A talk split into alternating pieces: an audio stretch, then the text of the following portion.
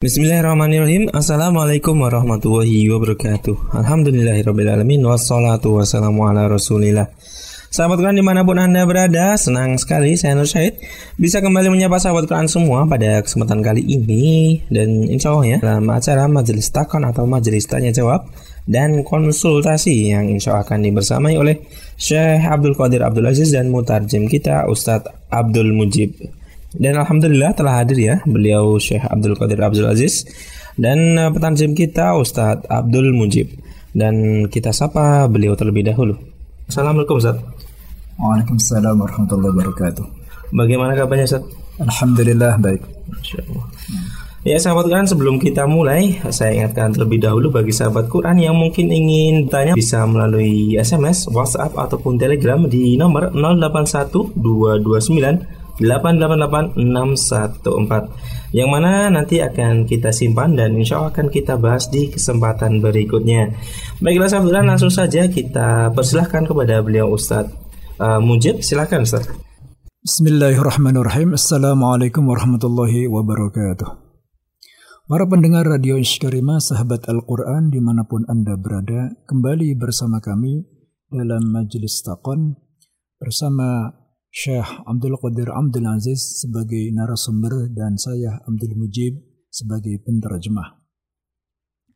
Adapun pertanyaan yang masuk hari ini adalah bagaimanakah hukum ibadah haji ataupun umrah yang uh, didapat dari uh, undian bank, undian di bank. Ya, bagaimana hukum ibadah haji dan umrah yang didapat dari undian di bank. Ya. Ma hukmu al-hajj ibad manasik al-hajj atau al-umrah allati tunalu min qur'ah ya tunalu tunalu min al-qur'ah min uh, min bank. Jazakumullah khairan ala al-jawab. Bismillah. Assalamualaikum warahmatullahi wabarakatuh. بسم الله الرحمن الرحيم الحمد لله رب العالمين. الصلاة والسلام على أشرف الخلق وأطهرهم وأزكاهم محمد بن عبد الله صلى الله عليه وسلم. الرحمة المهداة والنعمة المسداة والسراج المنير البشير النذير. اللهم أحينا على سنته وأمتنا على ملته وارزقنا شفاعته وأرفقنا صحبته في الفردوس الأعلى ومتعنا بلذة النظر إلى وجهك الكريم. اللهم آمين يا رب العالمين. اللهم سلمني وسلم مني اللهم سلمني وسلم مني اللهم سلمني وسلم مني. أما بعد. أيها الأخ السائل أو الأخت السائلة جزاكم الله خيرا وبارك الله فيكم. ونسأل الله سبحانه وتعالى أن يعلمنا وإياكم ما ينفعنا وأن ينفعنا بما علمنا وأن يرزقنا علما ينفعنا وأن يزيدنا علما. آمين يا رب. أما بالنسبة إلى هذا السؤال فله عدة محاور لابد أن نتكلم فيها أولا. المحور الأول بالنسبة إلى العمرة أو الهدية أو القرعة هكذا. مسألة القرعة. فلو أن جماعة أقاموا بينهم هذه القرعة مثلا وهذا الذي يحدثه تقيم به أو تقوم به بعض الدول أو تقوم به بعض البلدان وتختلف طريقة القرعة من مكان إلى مكان. ففي بعض الدول تقوم الدولة بإقامة القرعة على أن يدفع على أن يدفع هذا الذي يشترك في مسألة القرعة كرسم للتأمين أو يشتري كراسة التأمين ويقدم هذه الأوراق إلى الحكومة. وتقوم هذه الحكومات بعمل قرعة علنية أمام الناس باختيار بعض الناس ممن هم أكبر سنا أو المرافقين إليهم أو هكذا. وهذه حقيقة جائزة شرعا ولا بأس بها لأنه لم يدفع شيئا تأخذه منه الحكومة في مقابل أن يأخذ شيئا وليس من قبيل الميسر أو الاشتراك في هذا الأمر. بل هو يدفع مجرد الرسم فقط فإن جاء اسمه في هذا الأمر فإنه يخرج إلى في هذه الحالة يبدأ يكمل رسوم الحج المقررة من الدولة من ماله الخاص وبالتالي يكون هذا أمرا جائزا شرعا لا بأس به Saudara penanya, ikhwan dan akhwat, ya terima kasih jazakumullah khairan atas soalnya. Mudah-mudahan jawaban ini bisa memberikan jawaban yang memuaskan dan semoga bisa bermanfaat buat antum semua. Ya. Adapun tentang masalah Qur'ah atau masalah undian ini adalah kita perlu berbicara dulu ya bagaimana jenis Qur'ah ini bagaimana jenis undian ini. Adapun jika undian ini dilakukan oleh sekelompok orang ya yang disponsori oleh pihak-pihak tertentu ya. Kemudian uh, pihak ini mengadakan uh, undian ya dan undian ini dipilih oleh seseorang yang dipilih oleh pihak tersebut untuk memilih siapakah di antara mereka yang layak untuk memenangkan undian ini ya dengan berbagai cara undian ini dilakukan tapi tanpa kemudian dengan menarik bayaran dari para peserta undian. Ya. Adapun undian yang seperti ini jenisnya itu diperbolehkan. هناك بعض البلدان يقوم الشخص عند وصول سن معين مثلا عند سن العشرين أو سن الخمسة وعشرين هكذا يبدأ في دفع فلوس إلى الحكومة عن طريق البنك هكذا فيتم خصم مبالغ معينة حتى يصل سنه مثلا إلى سن الأربعين وبعد ذلك تجري الدولة القرعة أو يخرج مباشرة من الدولة. وهذا عبارة يعتبر نوع من أنواع الصناديق التي يتكافل فيها الناس أو من أنواع صناديق التكافل. وهذا أمر جائز شرعا لا بأس به. Jadi undian yang jenis yang pertama itu adalah bukan undian yang ada unsur judi di dalamnya. Ya. Seperti di berbagai negara, ya, di beberapa negara tertentu ada orang yang mulai menabung sejak usia 20 atau 25 tahun, ya. Kemudian tabungan itu nanti akan diambil pada usia eh, 40 tahun, ya, semacam arisan, ya, semacam arisan, ya kemudian akan diundi siapakah di antara mereka yang akan berhak untuk mengambil uh, tabungan ini ya. ya ini seperti ini boleh untuk dilakukan وهناك نوع ثالث وهو أن يجتمع أهل قرية معينة فيتفقوا على جمع المال ثم إجراء قرعة وإخراج واحد منهم إلى الحج وهذه القرعة إما أن تكون بالتساوي يعني معنى ذلك إما أن يخرج هذا يخرج واحد هذه السنة لكن يظل يدفع معهم المال إلى السنة التي بعدها حتى يخرج واحد آخر حتى يخرج واحد آخر حتى يخرج واحد آخر من كل المشتركين الذين اشتركوا في هذه القرعة. فإذا حدث هذا الأمر فإن هذه جائزة ولا بأس بها. أما إذا اجتمع أهل القرية على أن يجمعوا مالا هكذا مرة واحدة ثم يخرج واحد قرعة هكذا فإذا خرج هذا الواحد فهذه الحالة قال عنها العلماء بأنها لا تجوز لأنها نوع من الميسر الذي نهى الله عز وجل عنه في القرآن الكريم. فقال إنما الخمر والميسر والأنصاب والأزلام رجس من عمل الشيطان فاجتنبوه لعلكم تفلحون. Ya, adapun undian, ya, undian yang uh, semacam arisan, yaitu uh, sekelompok orang, ya, sekelompok orang mengumpulkan uang dalam jumlah tertentu dengan jumlah yang sama kemudian diundi di tiap bulan dan kemudian pada setiap eh, undian dia mendapatkan jumlah ya jumlah tertentu. Kemudian pada bulan berikutnya atau tahun berikutnya kemudian mereka mengumpulkan lagi jumlah yang sama kemudian diundi lagi kemudian mendapatkan lagi jumlah yang sama seperti yang didapatkan oleh uh, saudaranya oleh temannya. Demikian seterusnya sampai seluruh anggota tersebut mendapatkan hadiah atau mendapatkan undian maka seperti ini boleh ya dan tidak ada unsur judi di dalamnya. Adapun undian ya, adapun undian yang dilakukan oleh sekelompok orang ya di oh, sekelompok orang mengumpulkan uang kemudian diundi sekali saja ya sekali diundi kemudian barang siapa yang keluar dari dalam undian tersebut maka dialah yang mendapatkan ya maka ini tidak boleh ya karena ini adalah semacam judi yang dilarang أما بالنسبة إلى قبول الهدية من البنك وهي الحالة الثانية فقبول الهدية من البنك فيه خلاف بين الفقهاء. Ya, adapun menerima hadiah dari bank adalah kondisi kedua, ya, kondisi beda lagi, ya. Kita tadi sudah membahas tentang hukum undian, bahwa undian itu ada dua, ada undian yang diperbolehkan, yaitu undian yang tidak ada unsur judi di dalamnya, kemudian undian yang diperbuat, undian yang dilarang yang ada unsur judi di dalamnya. Kemudian masalah hadiah dari bank, ya masalah hadiah dari bank ini ada perbedaan pendapat para ulama dalam hal ini. ولكن قبل أن نتكلم عن الخلاف لابد أن نفرق أولا بين إذا كان البنك معاملته معاملة إسلامية أو أن هذا البنك معاملته معاملة ربوية إذا كان البنك معاملته معاملة إسلامية ولا يتعامل بالربا فإن هديته جائزة ومقبولة باتفاق الفقهاء جميعا Ya, sebelum kita membahas tentang hukum hadiah dari bank, kita perlu mengetahui dulu bank itu bank apa. Apakah bank itu adalah bank syar'i, ya, bank syar'i yang tidak bermuamalah dengan riba, ya. Apabila bank itu adalah bank syariah ya yang tidak bermuamalah yang tidak melakukan praktek-praktek ribawi maka hadiahnya adalah boleh ya maka boleh menerima hadiah dari bank tersebut ya dengan dengan kesepakatan para ulama.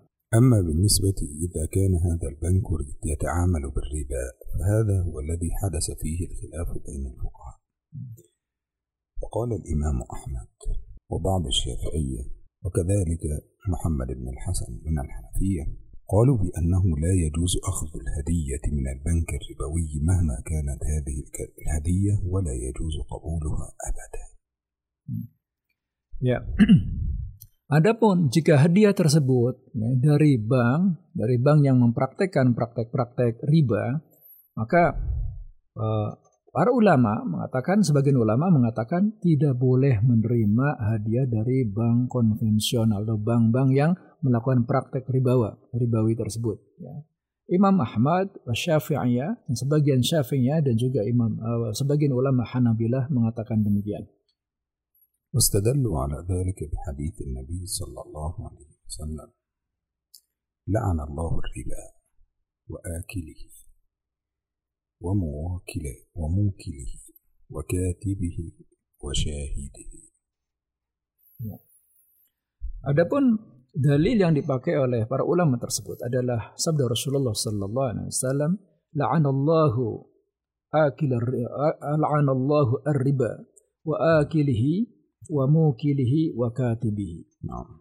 Allah Subhanahu wa taala melaknat riba ya dan melaknat pelaku riba, melaknat orang yang memakan riba, melaknat orang yang menjadi wakil dalam praktek riba tersebut dan melaknat orang yang menjadi penulis dalam riba.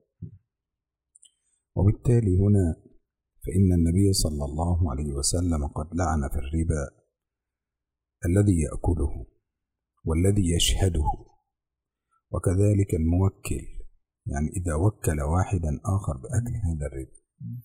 وكذلك الشاهد الذي يشهد إذا بالتالي لعن في الربا أربعة. آكله وموكله وشاهده وكاتبه. فإذا كان في الأمر يقتضي اللعن الكثير من الناس أو كل من يقترب من الربا لكل من يقترب من الربا فبالتالي لا يجوز هذا الأمر ولا يجوز استخدامه. Karena Rasulullah Shallallahu Alaihi Wasallam telah melaknat orang yang menjalankan praktek-praktek ribawi, ya. kemudian melaknat orang yang menjadi saksi dalam riba, kemudian melaknat orang yang memakan riba, kemudian melaknat orang yang menjadi wakil dalam praktek-praktek riba. Demikian juga melaknat orang yang menjadi penulis dalam riba. Maka oleh karena itu Rasulullah Sallallahu Alaihi Wasallam melarang segala bentuk ya oh ya, hal praktek-praktek dan pendekatan-pendekatan uh, ke riba. وكذلك أفتى الشيخ ابن باز بأنه لا يجوز معاملته ولا قبول هدياته وقال الواجب الحذر من الربا لأن الله سبحانه وتعالى يقول أحل الله البيع وحرم الربا Demikian juga Syekh bin Baz mengatakan ya, tidak boleh haram untuk menjalankan praktek riba dan kemudian menerima hadiah dari pelaku riba ya karena Allah Subhanahu wa taala telah berfirman wa halallahu al-bai'a wa harrama riba ولذلك أيضا قال قوله تعالى الذين يأكلون الربا لا يقومون إلا كما يقوم الذي يتخبطه الشيطان من المس فبناء على ذلك فإنه لا يجوز فإنه لا يجوز أخذ الربا أو لا يجوز أخذ الهدية إذا كانت هذه الهدية ربا أو متعلقة بالربا نظرا لما في ذلك من الحرمة Ya. Demikian juga para ulama ya. Menunjukkan dalil dari Al-Qur'an الذين يأكلون الربا لا يقومون إلا كما يقوم الذي يتخبطه الشيطان من المس. ذلك بأنهم قالوا إنما البيع مثل الربا وحل الله البيع وحرم الربا. يعني riba diharamkan, praktek riba diharamkan, dan kemudian hadiah yang berkaitan dengan riba juga hukumnya haram. كذلك استدلوا بحديث من اشترى سرقة وهو يعلم أنها سرقة. فقد شرك في عارها وإثمها من اشترى من اشترى سرقة وهو يعلم أنها سرقة فقد شرك في عارها أو إثمها Ya. Demikian juga sabda Rasulullah sallallahu alaihi wasallam ya. Man ishtara sariqatan fa huwa ya'lam annahu sariqatun faqad ishtaraka fi ismiha wa 'ariha. Barang siapa ya, barang siapa yang membeli ya, membeli barang, membeli barang jualan ya, dan dia mengetahui bahwasanya barang jualannya tersebut adalah hasil curian, maka dia telah ikut menanggung dosanya dan ikut menanggung aibnya. وقالوا هذا الحديث نقيس عليه حديث الربا فإذا كان أو كان الدليل هنا هو القياس وقالوا قياس الربا على السرقة. فإذا كان الذي يشتري وهذا شراء وليس هدية. فإذا كان الذي يشتري هذا شراء يعلم أن هذا الشيء مسروق. إذا كان أيضا الذي يقبل الهدية يعلم أن هذه الهدية من البنك والبنك هذا يتعامل بالربا. إذا مثله مثل السارقة هكذا. فقد اشترك في الإثم والعار أي أنه مشارك له كما يشارك السارق أو الشاري الذي يعلم بالسرقة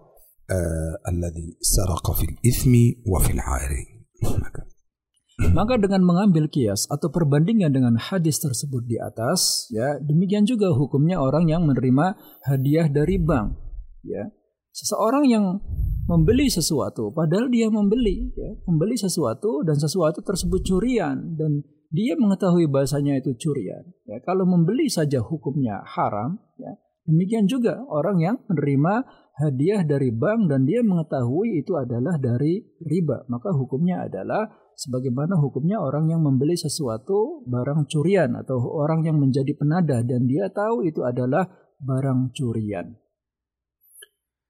وعلى هذا القياس حقيقة كان قياسهم قويا جدا في هذه المسألة لأنهم قاسوا الربا بحرمته على السرقة بحرمتها قاسوا الهدية من شيء محرم على شيء محرم قاسوا المكان الذي يتعامل بالربا على السارق الذي يسرق من بيوت الناس. قاسوا الذي يقبل الهدية كالشاري الذي يشتري السرقة.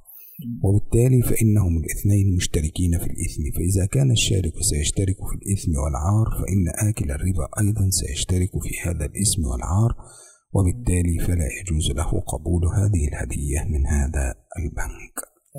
Jadi kias ini adalah sangat tepat sekali. Kias ini sangat kuat sekali. Ya.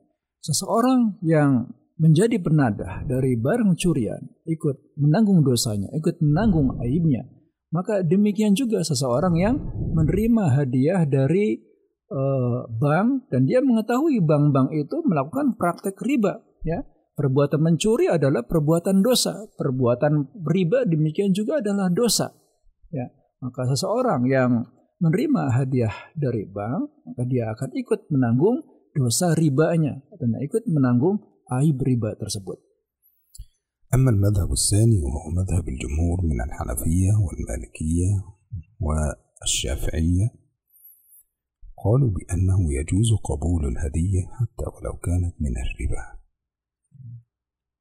Adapun pendapat yang kedua adalah pendapat jumhurul ulama yang mengatakan bahwasanya boleh mengambil hadiah ya, dari meskipun hadiah tersebut dari bank yang melakukan praktek-praktek riba. لماذا؟ قالوا لأن النبي صلى الله عليه وسلم قبل هدية من امرأة يهودية وكانت هذه الهدية شاة مسمومة والنبي صلى الله عليه وسلم قبل منها الهدية وهو يعلم أنها تذبح لغير الله سبحانه وتعالى أو تذبح على غير ملة الإسلام فبالتالي أنها فعلت شيئا محرما ثم أهدته للنبي صلى الله عليه وسلم فقبل النبي صلى الله عليه وسلم هديتها ولم يردها. ولما سئل عن ذلك فقال سمي وكل هكذا. يعني لما سئل عن ذلك فقال سمي وكل. خلاص. فهنا قبل النبي صلى الله عليه وسلم شيئا هو يعرف أن مصدره قد فعل على أنه حرام وبالتالي في قبول النبي صلى الله عليه وسلم هذا رد واضح على من قالوا بعدم جواز أخذ الهدية من شيء يشك أنه ربا أو أنه من هذه الأشياء. وقالوا أن إثمه هنا يكون على صاحبه وليس على المهدى إليه. يعني يكون الإثم على صاحب المال وليس على المهدى. إليه. وقد يكون لأن هذه الصدقة قد تكون ترغيبا لصاحب للمهدى إليه في القبول بالإتيان إلى هذا المكان أو إلى وضع هذه الأشياء كما نرى كثير من البنوك تقوم بهدية سيارة بهدية كذا حتى يكثر الراغبين في وضع أموالهم في هذه الأشياء. فإن كان هذا كما قال الشيخ ابن باز فإن كان هذا فلا بأس به. Adapun jumhur ulama ya, berdalil dengan Rasulullah Shallallahu Alaihi Wasallam yang menerima hadiah dari perempuan Yahudi. Ya, seorang perempuan Yahudi, seorang wanita Yahudi memberikan hadiah kepada Rasulullah Sallallahu Alaihi Wasallam daging kambing ya yang sudah teracuni. Ya.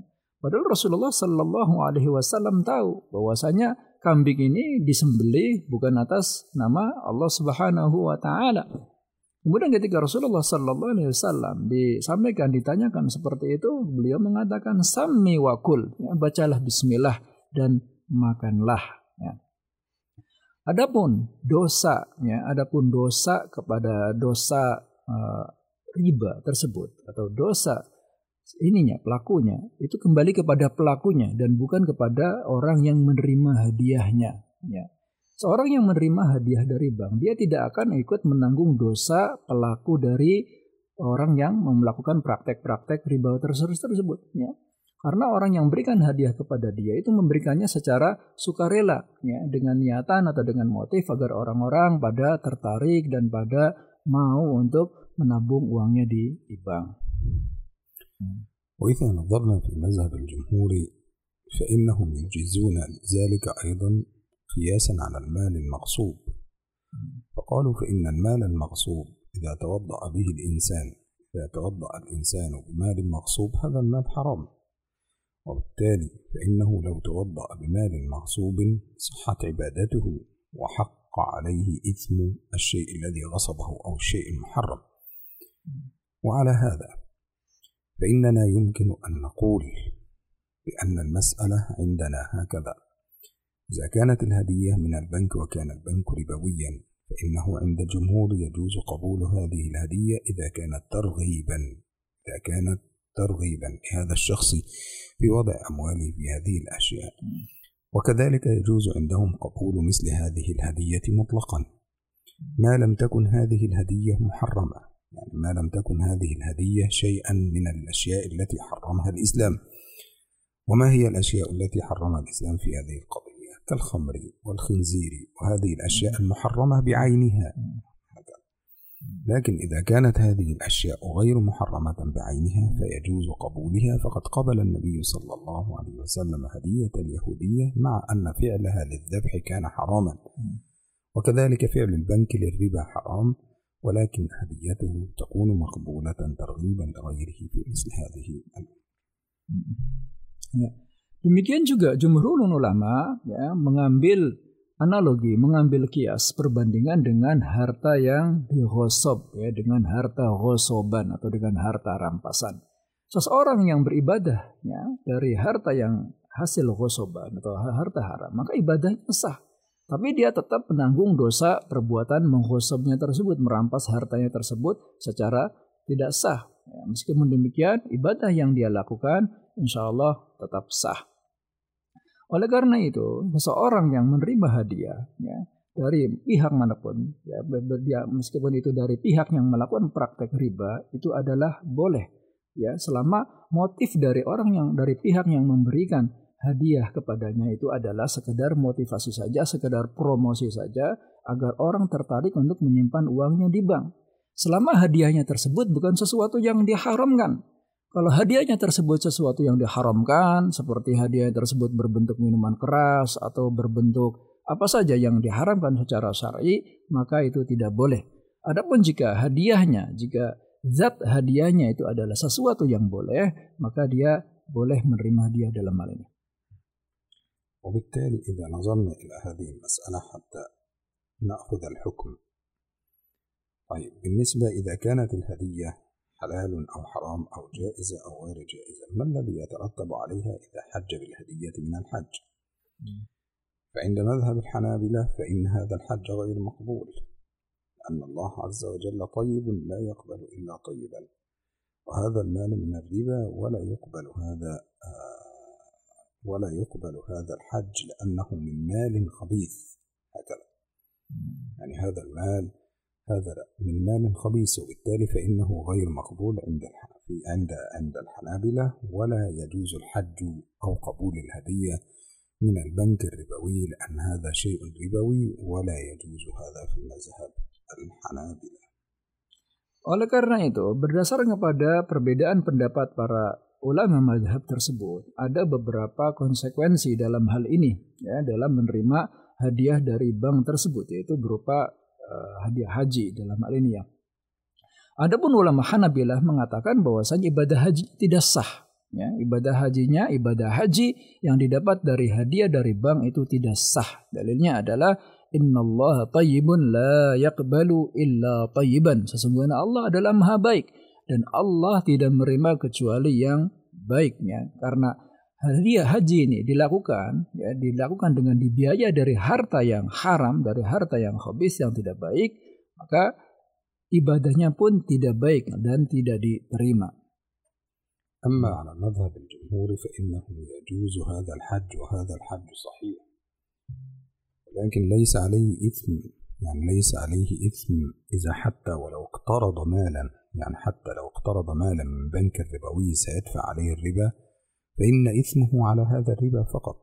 أما لو أخذ هدية فليس عليه إثم وحجه صحيح ولكنه غير مبرور كما قال العلماء. يعني قال بعضهم أنه غير مبرور. لماذا غير مبرور لأنه كان يحتاج أن يكون يعني يتحرى فيه طلب الحلال أكثر من ذلك. لكن إذا كان على سبيل الهدية فقط فإن حجه صحيح كمثله كمثل من حج بمال مغصوب فحجه صحيح وقال بذلك الحنفية والمالكية والشافعية والله سبحانه وتعالى أعلى وأعلى Adapun pendapat jumhur ulama mengatakan ya bahwasanya hadiah haji yang dilakukan dari hadiah dari bank tersebut itu adalah boleh ya dan ya, hadiahnya dan hajinya sah. Tetapi hajinya tidak mabrur ya karena haji yang mabrur itu diperlukan syarat-syarat yang sangat baik sekali ya yang bebas dari segala hal di antaranya perbuatan syubhat ini. Oleh karena itu dia tidak berdosa. Dia tidak berdosa di dalam menerima hadiah ini. Ya, adapun yang berdosa adalah orang yang melakukan praktek banknya. Demikian juga dia tidak ikut kena aib ketika dia menerima hadiah dari hadiah haji dari bank tersebut dan hajinya sah. Tetapi para ulama mengatakan hajinya tidak mabrur. Ya, wallahu taala alam. Para pendengar sekalian yang berbahagia, demikianlah pembahasan kita kali ini. Ya, mudah-mudahan bermanfaat. Ya, dan mudah-mudahan ya kita bisa diberikan kekuatan oleh Allah Subhanahu wa taala untuk melakukan ibadah haji dengan sumber yang halal dan thayyib. Jazakumullah khairan. Assalamualaikum warahmatullahi wabarakatuh. Waalaikumsalam warahmatullahi wabarakatuh. Jazakumullah khair kepada Syekh Abdul Qadir Abdul Aziz dan Ustadz Abdul Mujib yang telah berkenan eh, hadir dan menyempatkan waktu untuk berbagi ilmu pada kesempatan kali ini.